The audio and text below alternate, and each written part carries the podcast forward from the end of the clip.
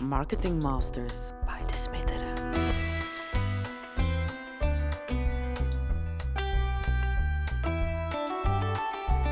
Marketing-experten aan het woord.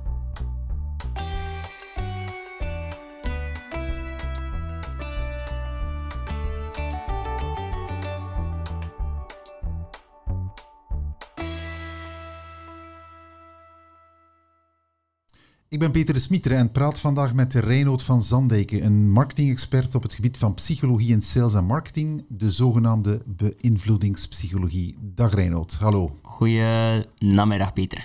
hallo. Je bent zaakvoerder van het marketingbureau Exposure, waarin je bedrijven en politieke partijen begeleidt om ja, aantrekkelijker te zijn voor hun doelgroep. Kan je even toelichten wat jij en je collega's precies doen? Ja, ons uh, ja, bureau is eigenlijk gespecialiseerd in alles rond gedragswetenschappen. Uh, onze baseline is nu recent ook uh, omgedoopt door gedreven door gedrag. En we gaan eigenlijk aan de hand van gedragswetenschappen gaan kijken hoe we meer rendement uit communicatie kunnen halen. Dat kan digitale communicatie zijn, dat is meestal onze focus. Social media ads, websites, blogs en dergelijke. Maar vaak worden we ook gevraagd om een keer te kijken naar de flyer, de brochure, naar offertes. En dan gaan we eigenlijk altijd gaan kijken vanuit vanuit de psychologie, vanuit die wetenschappelijke tak in beïnvloeding en gedragswetenschappen, ja, welke technieken kunnen we nu toepassen om daar meer rendement uit te halen? Nu, gedragswetenschappen bestaan al lang. Wat is dan het verschil met vroeger? Is het vakgebied veranderd of is de wereld ook veranderd? Ja, er is uh, nu wel recent een nieuwe trend uh, als het gaat, als we het toch hebben over nudging. Sinds uh, 2017 toch aan een revival gestart, of toch plots wel heel belangrijk geworden. En uh, dat is vooral te danken aan de Nobelprijs voor de economie. Die is gegaan naar een van de grondleggers van nudging-theorie, uh, Richard uh, Thaler. Maar ik beschrijf het ook in mijn boek. het is heel vaak oude wijn in nieuwe zakken. Dus heel veel vanuit de sociale psychologie wordt gebruikt. En sociale psychologie is niet nieuw. In de jaren 50, 40 is er heel veel onderzoek ook gedaan die vandaag nog altijd relevant is. Maar ja, nudging is toch wel een nieuwe insteek. Heeft toch wel een paar aantal nieuwere kenmerken. Maar heel veel van die gedragswetenschappen is, is ja, al vele jaren toegepast in andere sectoren. Hè. Hoe ben jij in het vakgebied beland? dat is een moeilijke vraag, omdat dat een beetje geëvolueerd is. Maar uh, ik heb in het middelbaar een verzorging gedaan. Dus ik heb leren pampers verversen en uh, oma's en opa's wassen. Waar ben ik, ja, zoals je waarschijnlijk kan ver vermoeden, niet mee verder gegaan. maar uh, ik heb er wel in het middelbare kennis te leren maken met psychologie. En dat is mij altijd enorm geboeid geweest en uh, ook altijd wel politiek, maatschappelijk geïnteresseerd uh, ja, geweest. En uh, dat ging dan van vroeger het klokhuis en zo eh, volgen. En dan Karuit. En dus altijd, dat politiek is altijd wel ja, een stukje van mijn interesseveld geweest. En dan ben ik daar eerst nog verder in gaan specialiseren. Ook master politieke communicatie gedaan. Maar ook in die master heel veel met psychologie bezig geweest. Politieke psychologie, sociale psychologie. En eigenlijk dat zaadje is dan enkel maar gegroeid. En uh, vandaag ben ik er nu tien jaar mee bezig. Heb ik er uh, bijna honderd boeken over gelezen. En uh, ja, dat is iets Mooi. waar ik enorm Ja. graag doe. Je hebt er zelf een boek over geschreven, Nudging en Overtuigen. Ik heb je boek gelezen. Ehm, kun je het begrip nudging, want ik neem aan dat de gemiddelde ondernemer of KMO ja, het niet kent, het begrip nudging. Het is bij vakspecialisten, maar wat is het precies? Ja, dus eh, in Vlaanderen merk ik zelf dat het nog relatief ongekend is. Als je dan bijvoorbeeld naar Nederland gaat, is het al veel meer gekend, zeker in, eh, in Amerika ook. Ehm, mijn definitie van nudging is een, eh, een verzamelnaam voor alle technieken die je gebruikt om één bepaalde keuze onbewust beter te doen lijken. En dat is mijn persoonlijke definitie, gebaseerd op heel wat wetenschappelijke definities. Maar misschien moet ik dat even ontleden, want dat bestaat uit een paar elementen. En de eerste is een verzamelnaam voor verschillende technieken. Dus dat wil zeggen, er bestaat niet één soort nudge. Het is niet dat zoals je hebt uh, content marketing of, uh, of een blog of een nieuwsbrief. Het is een verzamelnaam voor vele, vele technieken. In ons boek hebben we er uh, een twaalftal mm -hmm. verzameld. En het andere deeltje is dus om één bepaalde keuze beter te doen lijken. Dus het gaat altijd over keuzevrijheid, want een nudge of nudging wordt gezien als een vierde beleidsinstrument, vooral in overheidscontext, om mensen te overtuigen. De andere drie zijn de preek, de wortel en de stok. Een stok is uh, belasting, is boetes. Uh, de preek is sensibilisatiecampagnes en de wortel is belonen. Mhm. En nudging is een vierde, omdat je eigenlijk de mensen nog steeds keuzevrijheid geeft. Niet zoals straffen, we nemen de keuze af. Nee, je krijgt nog altijd keuze. Je kan bijvoorbeeld nog altijd kiezen om te roken, maar we gaan er alles aan doen als overheid om niet roken als een betere keuze te doen lijken. Je noemt het in het boek ook letterlijk een zetje in de rug. We gaan, we gaan mensen onbewust een beetje helpen of, of, of sturen naar, een, naar een bepaald gedrag. Ja, en dat is dan het laatste deel, het onbewust beter te doen lijken. Dat, dat slaat dan op het psychologisch gedeelte, waarbij dat we vooral subtiele aanpassingen gaan doen. En vandaar dat nudging in, in vele contexten efficiënt is, omdat mensen het niet ervaren als als harde manipulatie. En mensen ervaren het niet als, als harde reclame, zoals je bijvoorbeeld harde uh, reclame in de vorm van banners, heel opvallende, drukke banners hebt.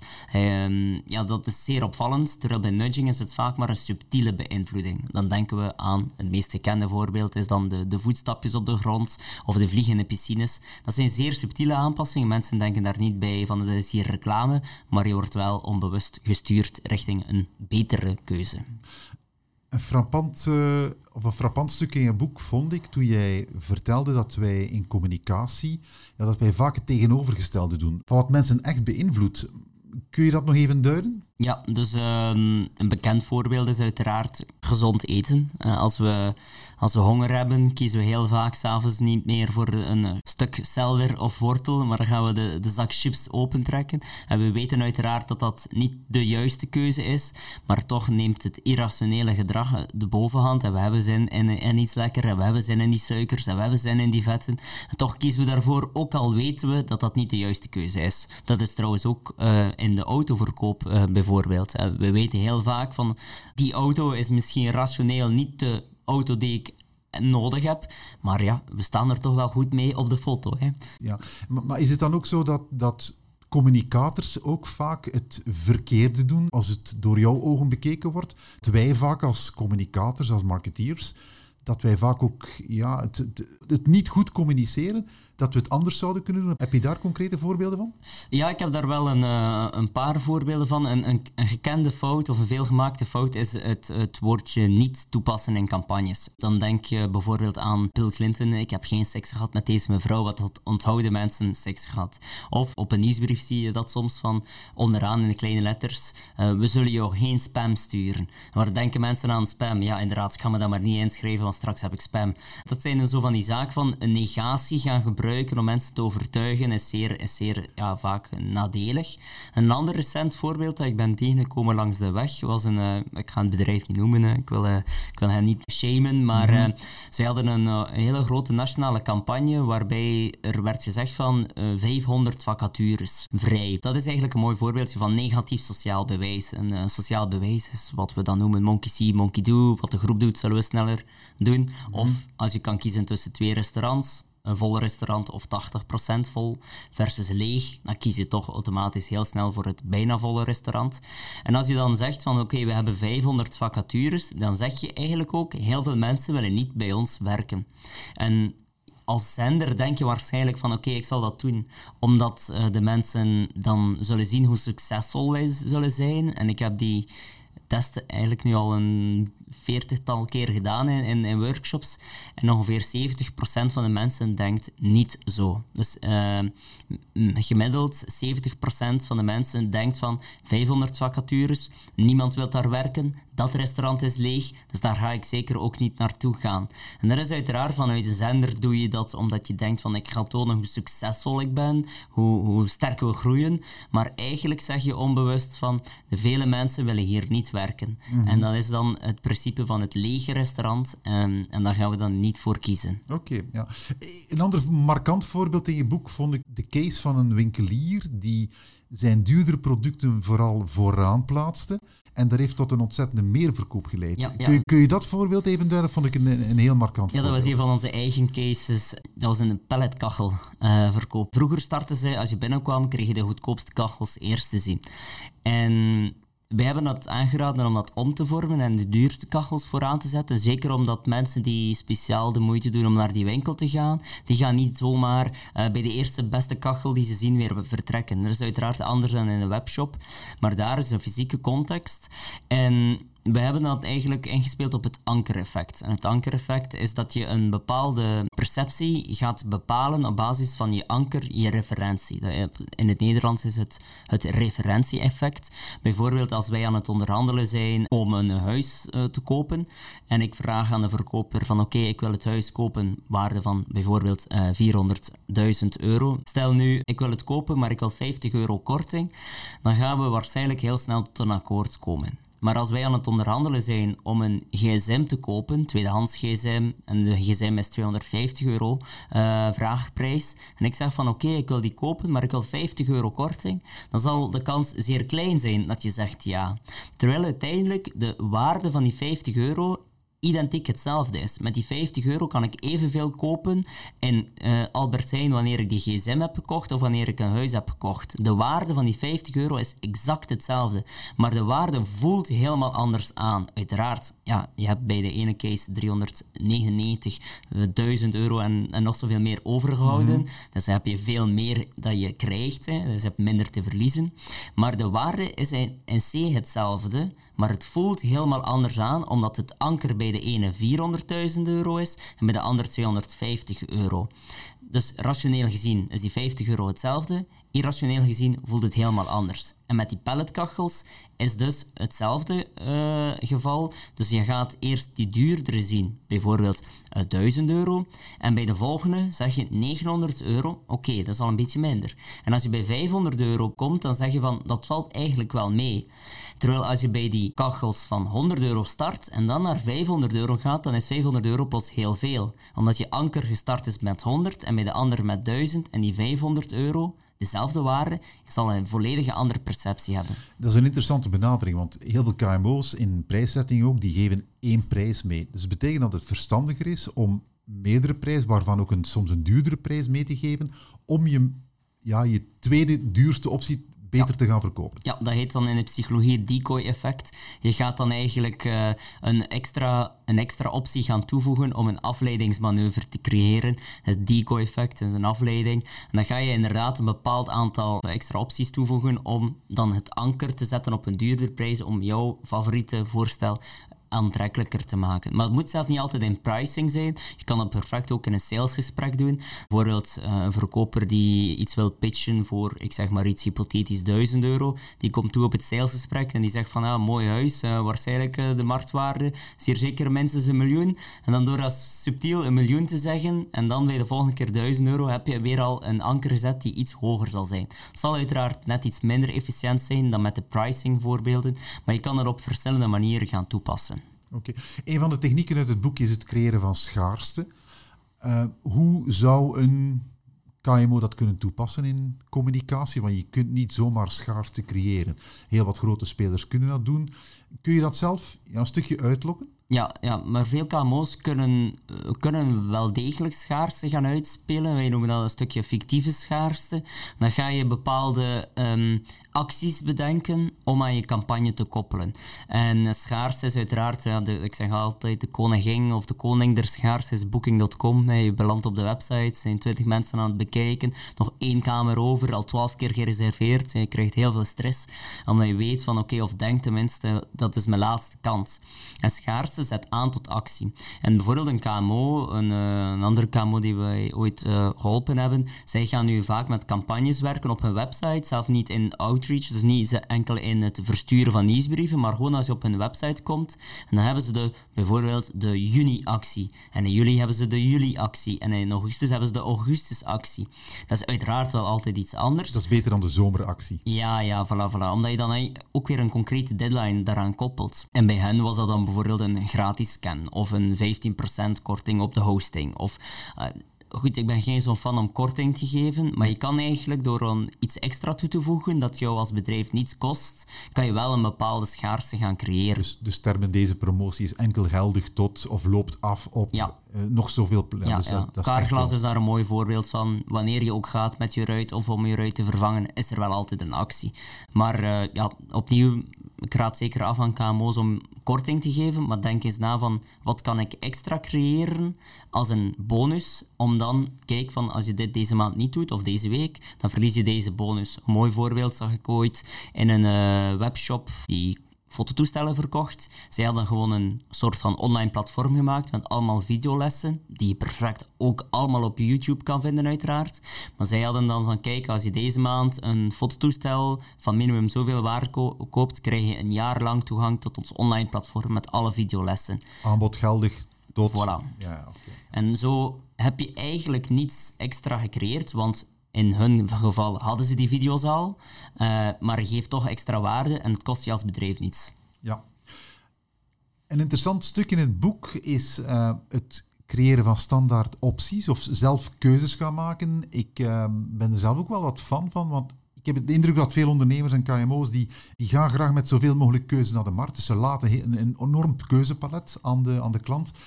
Jij zegt eigenlijk dat is eigenlijk niet goed. Het is beter dat je zelf al een stukje een soort preselectie maakt. Want dan maakt het gewoon de klant makkelijker. Ja. Dus dat is al een psychologische verklaring. Ja, want mensen kiezen eigenlijk vaak voor de makkelijkste optie. Uh, dat is ook een stukje evolutionair. We zijn, uh, we zijn uiteindelijk uh, getraind, om het zo te zeggen, of evolutionair gegroeid, altijd op, gefocust op energiebehoud. Waardoor we ook onbewust sneller of liever de zaken hebben die eenvoudig zijn. En door een standaard optie aan te bieden, ga je dus ervoor zorgen dat je het de ontvanger, degene die de offerte krijgt of de website bezoekt, het makkelijker maakt om te bepalen wat de juiste keuze is. En hoe makkelijker de keuze, hoe, hoe sneller mensen ook zullen kiezen. En in plaats van heel veel zaken aan te bieden, uh, met heel veel verschillende opties, um, dan kan je beter eigenlijk 1, 2, 3 opties voorstellen en misschien zelf nog, kijk, dat is mijn advies, dat is de juiste keuze. Zoals, en, cool, zoals Coolblue doet bijvoorbeeld. Bijvoorbeeld, ja. ja. En, en dan ga je ook nog gaan zien van, oké, bij Coolblue is dat bijvoorbeeld Coolblue's keuze. keuze ja. ja. inderdaad. Ja, dat is een heel mooi voorbeeld eigenlijk, omdat je bij Coolblue ook een paradox of choice hebt, wat een overload aan keuze wil zeggen. En hoe meer keuze mensen hebben, hoe minder ze kiezen. En Coolblue lost dit zo op door inderdaad de Coolblues keuze aan te bieden en zo de ontvanger, de websitebezoeker, het makkelijker te maken. Wat niet wil zeggen uiteraard dat je als um, ondernemer niet alle opties mag aanbieden. Dat kan zeker, maar doe dat in een uh, tweede klik, bij wijze van spreken, een tweede fase, maar maak het in de eerste fase heel duidelijk van, kijk, als je niet zelf wil zoeken, dan zou ik hier voor dit adviseren. Oké. Je sprak daarnet van sociaal bewijs. Dus mensen zijn kuddedieren, dat is al langer bekend. Dus wij, wij gaan vaak de massa een stukje gaan, uh, gaan volgen. Wij maken blijkbaar niet zo graag een keuze die anderen niet maken. Uh, dus wij, wij voelen ons ja, toch veiliger als we het gevoel krijgen dat anderen ook deze keuze zoveel mogelijk maken. Maar mag je dan als KMO niet onderscheidend zijn? Mag je dan niet anders zijn dan de anderen? Um, jawel, dat mag zeker wel, uiteraard. Um, maar ook daar moet je opletten dat je je niet te uniek positioneert. Een gekend uh, experiment is dat ze ooit in een campagne hadden gezegd van nieuw, nieuw, nieuw, heel, heel ex, uh, exceptioneel nieuw, innovatief.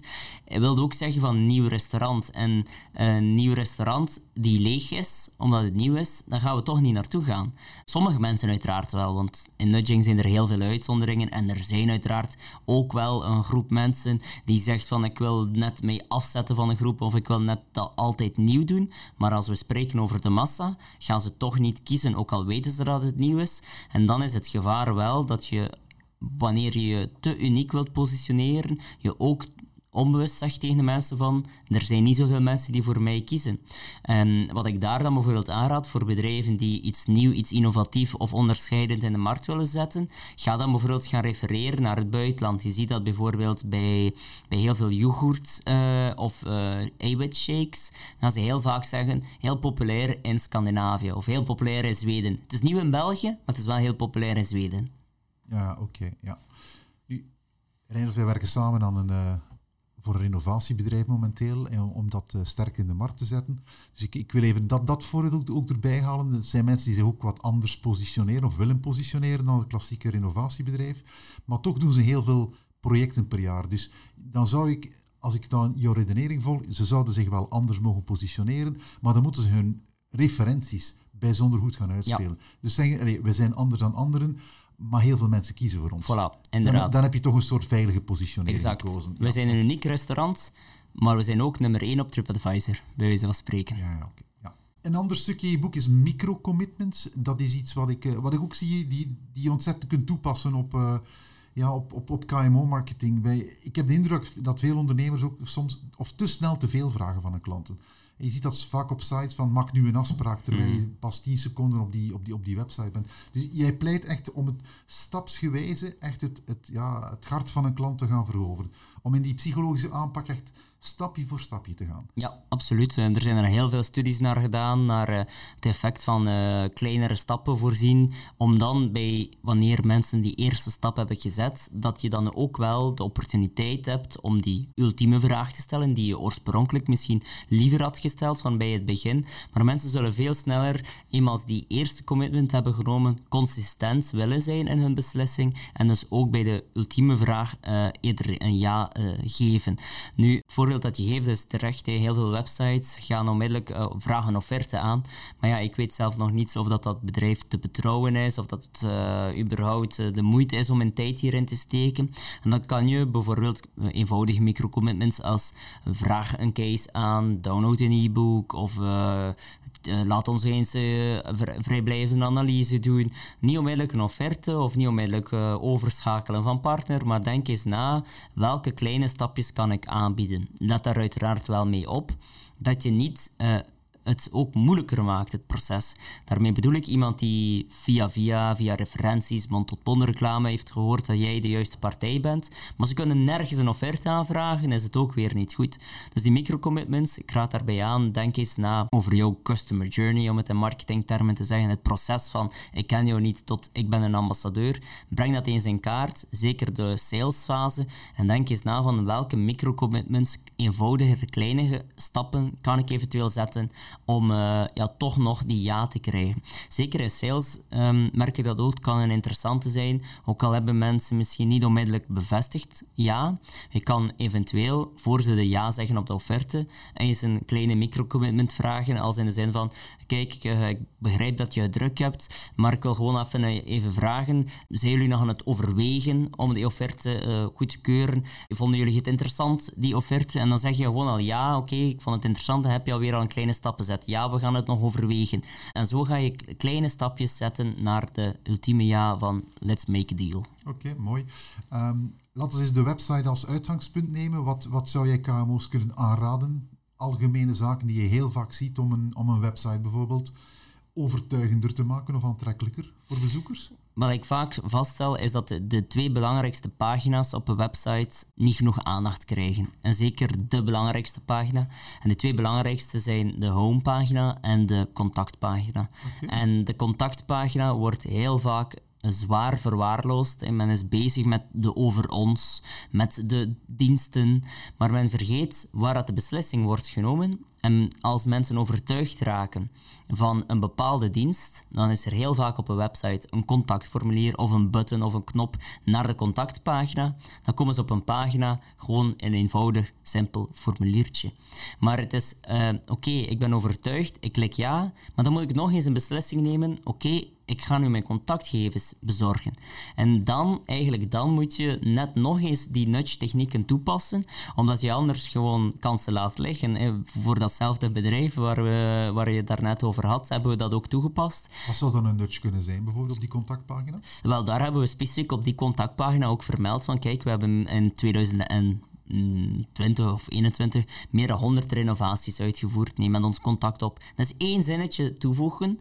Uh, daar specifiek was het 35 jaar ervaring, 100 renovaties. Dat is een social proof nudge en een autoriteitsnudge. Dus nog eens je sterktes, je voilà, voilà, voilà. of reviews in de kijker zetten. Ook op, je, ook op je contactpagina. Absoluut, absoluut. En bij dat renovatiebedrijf hebben we vastgesteld door drie eenvoudige zinnetjes toe te voegen, hele korte zinnen, dat er 30% meer conversies waren op de contactpagina. Dus dat wil zeggen, de mensen die de contactpagina hebben bezocht, 30% meer ingevulde formulieren. Eh, het is gewoon cash die je bij wijze van spreken laat liggen hè, als je dat niet doet. Want ze mhm. komen op de contactpagina, ze hadden een bepaalde motivatie, maar hebben net dat subtiele duwtje niet gekregen. En de andere belangrijke pagina is de homepagina. En daar zien we heel vaak van oké, dat er geen sturing is. Oké, kijk, ik kom hier nu op de homepagina, maar ik weet eigenlijk niet wat de volgende stap is. En dat er niet genoeg sturing is, dat je eigenlijk de keuze aan de ontvanger laat en die volledig open laat. En dan moeten mensen gaan nadenken, gaan zoeken, gaan kiezen. En keuze zorgt ervoor, oké, ik heb nu even geen tijd, het is me niet duidelijk, ik ben weg.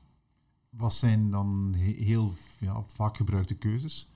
Kom naar de winkel, bel ons, maak een afspraak. Zijn het dan de, klassieke call to actions? Um, dat hangt af van bedrijf tot bedrijf. Als je bijvoorbeeld een zeer uh, lead generation website hebt, echt de bedoeling om offertes te genereren, dan is dat eerder van maak een vrijblijvende afspraak uh, of uh, laat ons contact opnemen met elkaar. Maar als je natuurlijk een winkel hebt, oh, kom eens naar de showroom, dat hangt er een beetje af van case tot case. Maar ook daar, terugkeren naar de micro-commitment, is het ook weer goed nadenken van oké, is deze stap wel al in deze fase de juiste fase.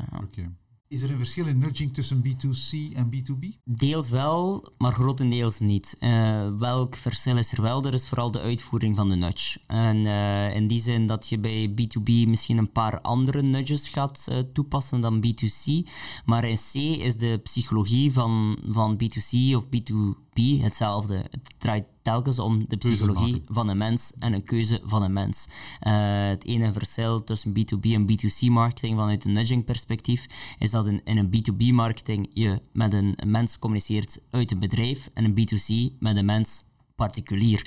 Uh, maar uiteindelijk zijn het dezelfde hersenen. Het is niet dat wij onze schedelpan openboren om naar een andere grijze massa in te leggen wanneer we B2B of B2C actief zijn. Het is een keuze maken in een andere setting. Bij voilà, voilà. Dus uh, technieken zijn op zich een klein beetje anders in de uitvoering, maar in de essentie, in de theorie zijn ze hetzelfde.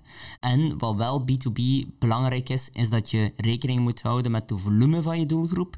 In die zin dat nudging zeer effectief is op grote volumes, omdat er altijd uitzonderingen zijn. En hoe groter de het volume, hoe meer dat de uitzonderingen zich wegfilteren. Maar als je natuurlijk een doelgroep hebt van, bij wijze van spreken, 15 eh, bedrijven bijvoorbeeld.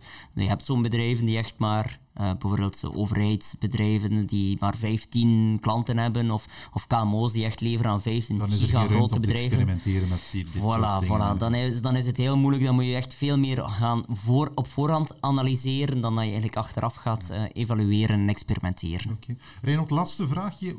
Wat is jouw favoriete nudge-techniek? Um, eentje waar je met plezier aan terugdenkt of die je super graag gebruikt?